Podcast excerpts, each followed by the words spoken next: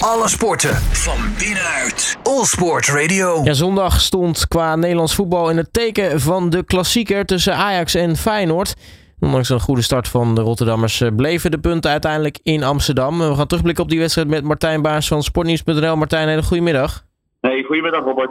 Um, ja, allereerst uh, ja, een wedstrijd als geen ander klassieker, waar waarschijnlijk uh, veel op het uh, spel zou staan. We wisten van tevoren, nou ja, Ajax is niet een heel erg goede doen. Werden natuurlijk ook uitgeschakeld door Benfica, maar ging in de eredivisie al niet lekker. Feyenoord daarentegen, daar ging het eigenlijk een stukje, stukje beter mee. Dat, dat was in het begin van de wedstrijd ook wel zichtbaar. Ja, zeker in de eerste helft.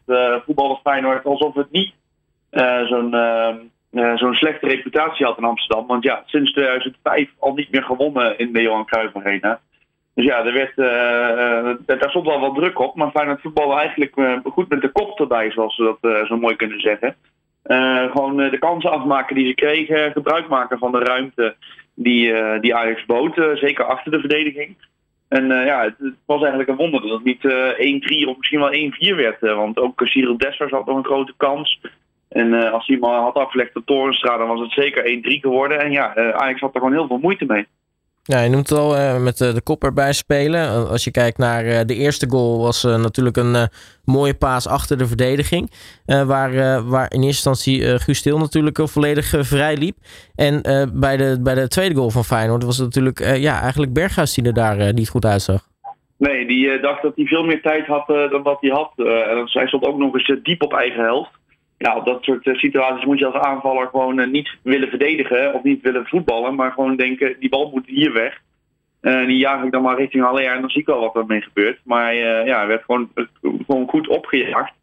daardoor leefde hij de bal in. Daardoor was Timber weer een, een, een seconde te laat. en daardoor kon, ja, kon Til eigenlijk makkelijk scoren. Want ja, de, de hoek lag helemaal open. Dus ja, geef hem die kans maar niet.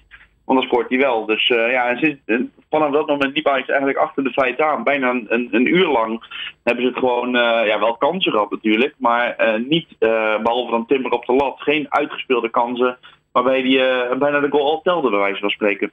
Ja, want nou ja, Feyenoord was dan dus eigenlijk een uur de betere ploeg in Amsterdam. Wat gebeurt er daarna eigenlijk, waardoor Ajax weer terugkomt in de wedstrijd? Ja, dat zou wel eens te maken kunnen hebben met uh, de rust die Feyenoord veel minder had dan Ajax. Ajax speelde natuurlijk afgelopen dinsdag tegen Benfica. Heeft de tijd genoeg gehad om, uh, uh, om te herstellen. En Feyenoord moest donderdag nog aan de bak tegen Partizan. Weliswaar thuis in de Conference League. Maar toch, het, het waren maar nou ja, 2,5 dag als we zondag als een halve dag rust meetellen, terwijl je daar ook in moet voorbereiden. En ja, na, met nog een kwartier te gaan zag je gewoon de energie een beetje wegvloeien bij Feyenoord. En dat had, uh, Ajax had daar geen last van. Want ja, die hadden dus twee dagen langer rust gehad. En ik denk dat het daarin uh, is, uh, is misgegaan. Uh, nou, Malaysia die dan een beetje domme vrije trap weggeeft tegen Klaas, waardoor Tadic die vrije trap binnen kan jagen. Uh, en ja, de, Anthony was gewoon, uh, die, er werd een overtreding op gemaakt. De scheidsrechter liet doorgaan. En daardoor zag eigenlijk de verdediging van Feyenoord was een beetje vergeten dat Anthony ook nog ergens rondliep. En vooral op een plek waarin die niet verwacht werd. Namelijk op randje 16 in het midden. En daar stond hij ineens vrij toen uh, Tagliafico de bal teruglegde. Ja, toen werd het 3-2. En toen was Feyenoord eigenlijk ook niet meer bij machten om er nog 3-3 van te maken. Want ja, wat ik al zei, de energie leek een beetje op. Ja, en daarnaast uh, maakte Ajax natuurlijk ook niet de uh, aanstalten om nog uh, enigszins tempo in de wedstrijd te brengen. Nee, zeker niet. Want ook Ajax heeft natuurlijk met die teleurstelling te maken. Weet ook dat het uh, nu voor de vierde eredivisiewedstrijden uh, op rij uh, twee tegendoelpunten heeft gekregen. Dus die dachten ook, ja, we moeten wel zorgen dat we dit winnen. maar daarnaast ook niet zorgen dat we nog dingen weggeven. Nou, toen viel Martinez nog geblesseerd uit achterin. Dus na die 3-2 heeft Ajax de laatste 10 minuten vooral een beetje achterover gehangen. En gezorgd dat alles achterin dicht was. Uh, want ja, de, belangrijkste in deze fase van de competitie zijn ze gewoon zeker die punten niet uh, weggeven in, eigen huis. Uh, want dat heeft Ajax natuurlijk de afgelopen weken al een paar keer bijna gedaan. en nu gewoon de rivaal definitief uitgeschakeld in de, in, de, in de titelstrijd met nog zeven duels te gaan. En alleen PSV is nog over. Ja, daar was het Ajax allemaal om te doen. Ja, nu waren er nog uh, twee uh, grote opvallendheden, althans in uh, de wedstrijd. Ja, eigenlijk komen er nog een paar meer die het bespreken waard zijn. Maar allereerst, ja, de strafschop voor Feyenoord. Was dat er nou eentje of, of toch niet? dan gaat het denk ik over die beuk die Martinez aan Dessers uitdeelde, waar je op bedoelt, denk ik, hè? Absoluut. Ja, ja het, het is een beetje. normaal gesproken, op het, als het op het middenveld gebeurt, dan fluit de scheidsrechter er waarschijnlijk niet eens voor. Maar nu is het toch een beetje een, raar, onnodig moment van Martinez om zo'n risico te nemen. Want die kan iemand blokken. Kijk, dan is het geen overtreding, maar dit is gewoon echt uh, zoeken naar Dessers en dan gewoon een beuk uitdelen. Ja. Ik ben geen scheidsrechter, heb ook geen scheidsrechtspapieren. Ik heb ook nooit in de schoenen van de VAR gezeten, dus ik mag er absoluut daar niks over zeggen. Maar het opvallend en onnodig moment was het wel. En het had Ajax duur komen, kunnen te komen staan, inderdaad. Ja, en dan natuurlijk aan het, aan het einde van de wedstrijd het, nou ja, het, het moment tussen Tadic en Anthony. Ja, nou dat vond ik, ik vond wel apart dat uh, Anthony daar geel voor kreeg. Want op zich deed hij niet verkeerd. Hij ging ook niet liggen. Hij bleef gewoon staan. Waardoor de scheids had kunnen zeggen: ja, goed, dan gaan we gewoon voetballen. Maar het was Tadic, uh, uitgetekend zijn teamgenoot, die hem op de grond smeet. En zei: Je moet gewoon gaan liggen. We moeten tijd rekken. We moeten die 3-2 over de, over de streep trekken. En uh, eigenlijk had Tadic daar uh, geel voor moeten hebben, denk ik dan. Want dat is dan het spelbederf. Niet zozeer wat Anthony deed. Maar goed, Anthony was al irritant genoeg. Hè? De rest van de wedstrijd, uh, veel gevallen, veel ruzie zoeken.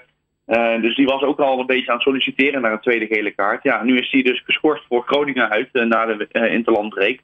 maar staat hij daarna ook nog steeds op scherp. Dat is dus het, het geinige, want hij stond op scherp, pakte geel door het shirtje uit te trekken bij de goal was hij dus al geschorst geweest tegen Groningen. Uh, maar was hij daarna weer even schoon geweest, om het zo maar te zeggen. Mm -hmm. Omdat hij nu twee keer geel en rood heeft gekregen in één wedstrijd, uh, blijft die, uh, die, die, gele kaart waardoor hij op scherp staan, staan waardoor hij na Groningen weer terug is, maar wel weer op scherp staat. En dus weer moet vrezen voor, voor een, een schorsing dit seizoen. Ja, en uh, nu, nu weten we, Anthony is uh, nou ja, een, een, een echte Zuid-Amerikaan, uh, om het toch maar zo netjes te verwoorden. kortom, er komt nog wel eens wat acteerwerk bij het voetbal kijken. hij kwam natuurlijk tijdens de persconferentie in de afloop nog met, met krukken binnen, tot groot vermaak van, van Arne Slot. Ja, ja dat, dat is er ook wel zo'n moment van je denkt van ja, is er nou echt iets aan de hand of, of, of is dit een soort van toneelspel 2.0? Ja, eh, ik denk dat niemand voor zijn lol met kruk uh, rond gaat lopen, ook als je niks uh, zou hebben. En ik vond ook wel mooi dat Arne Slot, de trainer van Feyenoord, daar zo mooi om kon lachen. Die, die keek om en die moest even het laten bezinken. Toen keek hij nog een keer en zei hij zo netjes, oh, dan had ik het toch onderschat, die blessure. Met een lach natuurlijk, want ja, hij stond er bovenop toen Anthony op de grond ging liggen met dat gedoe met Tadic. ja, dat, dat, dat zie je zo'n trainer wel, dat hij, dat hij ook erom kan lachen en, en mee kan gaan in die in die sfeer die daar omheen hing. Maar ja, of hij wat heeft, zullen we zien. Eh, ik weet niet of eh, Brazilië ook nog speelt uh, dit, deze interlandbreek en of Anthony daar naartoe afreist. Maar anders heeft hij drie weken vakantie, want Groningen uit mist hij dus ook. En dan kan hij misschien wel gewoon lekker drie weken op trucken in Brazilië op het strand gaan zitten. Ja, minder mobiel misschien, maar wel lekker voor hem. Nou, wie weet. Maar wat, wat mij dan weer te binnen schoot, eigenlijk bij dat moment, uh, misschien ben ik daar de enige in, maar ik, ik weet niet hoe goed die Anthony nou inmiddels Nederlands verstaat of spreekt. Maar dan moet je je voorstellen dat je met krukken een pers, perszaal binnenkomt lopen en dat vervolgens die hele zaal begint te lachen. Nou, dan hoef je geen Nederlands voor te kunnen. Ik denk dat je uh, aan de lachsalvo's ook kan horen uh, dat je dan ook een beetje uitgelachen wordt. Ik denk dat dat ook een beetje bij het spelletje hoort en bij het uitdagen van zo'n van zo'n wedstrijd als de, als de klassieker. Uh, daarin hoort dit soort uh, gedoe hoort er ook bij. En het is ook leuk om, daar, om het daarover te hebben. Dat het niet zo'n saaie uh, nababbel is waarin ze zeggen... ja, we waren de betere partij en we verdienen meer, maar we moeten het hiermee doen. Dan is dit toch leuker om naar te kijken, denk ik. En dat maken we in Nederland er niet al te vaak mee. Wat, wat doet dit resultaat nou met, met beide ploegen? Want ik kan me voorstellen, ja, Feyenoord kan, krijgt natuurlijk een, een knauw door bij de aardsrivaal te verliezen. Zeker na zo'n goede start. Maar aan de andere kant, ja, gezien het spel wat ze op de mat hebben gelegd, zeker het eerste uur mogen ze toch eigenlijk niet heel ontevreden zijn? Nee, zeker niet. Feyenoord is uh, nou ja, gewoon uh, eigenlijk doorgegaan met waar ze mee bezig waren de afgelopen weken. En dat was gewoon prima voetbal. Uh, en dus met nog zeven wedstrijden te gaan. kijk, plek 1 is 11 punten ver weg. Uh, plek 2 is 9 punten ver weg. Ja, dat, uh, dat, dat klinkt nog best wel veel met nog maar 7 wedstrijden te gaan. Dus Feyenoord moet eigenlijk gewoon niks anders doen dan gewoon zich focussen op plek 3. En met dit voetbal komt dat echt makkelijk tevoorschijn. Ehm, alleen Twente en AZ doen nog mee in die strijd om, om plek 3. De afstand is niet groot, maar ik denk dat Feyenoord het gewoon prima op de rit heeft. En gewoon het, het seizoen wat dat betreft prima uitvoetbal. Het is jammer voor zo'n topclub dat ze niet nog een bekerfinale hebben in de eigen Kuip bijvoorbeeld. Uh, daarvoor, daarvoor zijn ze uitgeschakeld. dus is de rest Feyenoord gewoon niks anders dan de Conference League volledig aan te vliegen alsof het nou ja, een, Europese topcompetitie is en die je gewoon kan winnen. Je, je, zal maar weer de eerste club in Nederland zijn die weer een Europese prijs wint, een nieuwe Europese prijs. En verder gewoon zorgen dat Twente en AZ op, op achterstand blijven. En dan wordt het derde en dan wie weet hoe ver de Conference League komt. Want ja, Slavia Praag is daarin de tegenstander. En daar hebben ze al uh, een paar keer van gewonnen in de groepsfase. Dus uh, ja, de, de, weg naar de halve finale en misschien wel een finale ligt met dit voetbal zeker open voor Feyenoord. En voor Ajax natuurlijk nu de koppositie geconsolideerd. We hebben nu wel drie hele lastige, of nou ja, vier met natuurlijk ook de wedstrijd tegen Benfica meegenomen. wedstrijden achter de rug. moeilijke wedstrijden achter de rug. Ehm, in, met oog op de titelstrijd is het natuurlijk ook wel voor Ajax zelf een, een positieve opsteken. Ja, zeker. We weten nu ook dat uh, de, de topwedstrijden geweest zijn. Dus dat uh, PSV en Feyenoord nu definitief niet meer rechtstreeks zijn punten af kunnen snoepen. Dus het zal in andere wedstrijden moeten gebeuren. Maar goed, na de winterstop, of na de winterstop hoor mij, de zon schijnt buiten. Na de interlandbreek is het Groningen-Ajax. Daar heeft Ajax het traditioneel moeilijk. Dus daar moet het alweer er staan. En dan zijn er nog maar zes wedstrijden. En Ajax moet nog naar NEC.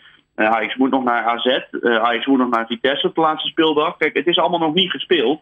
En de, de, achterstand, op, of de, de, achterstand van PSV is maar twee punten. En dat had Ajax misschien al wel veel meer gehoopt. Want er komt nog wel een blok aan waarin Ajax moet presteren. Maar goed, ze zijn uitgeschakeld in Europa. ze, kunnen, ze hoeven alleen nog maar de bekerfinale te spelen tegen PSV.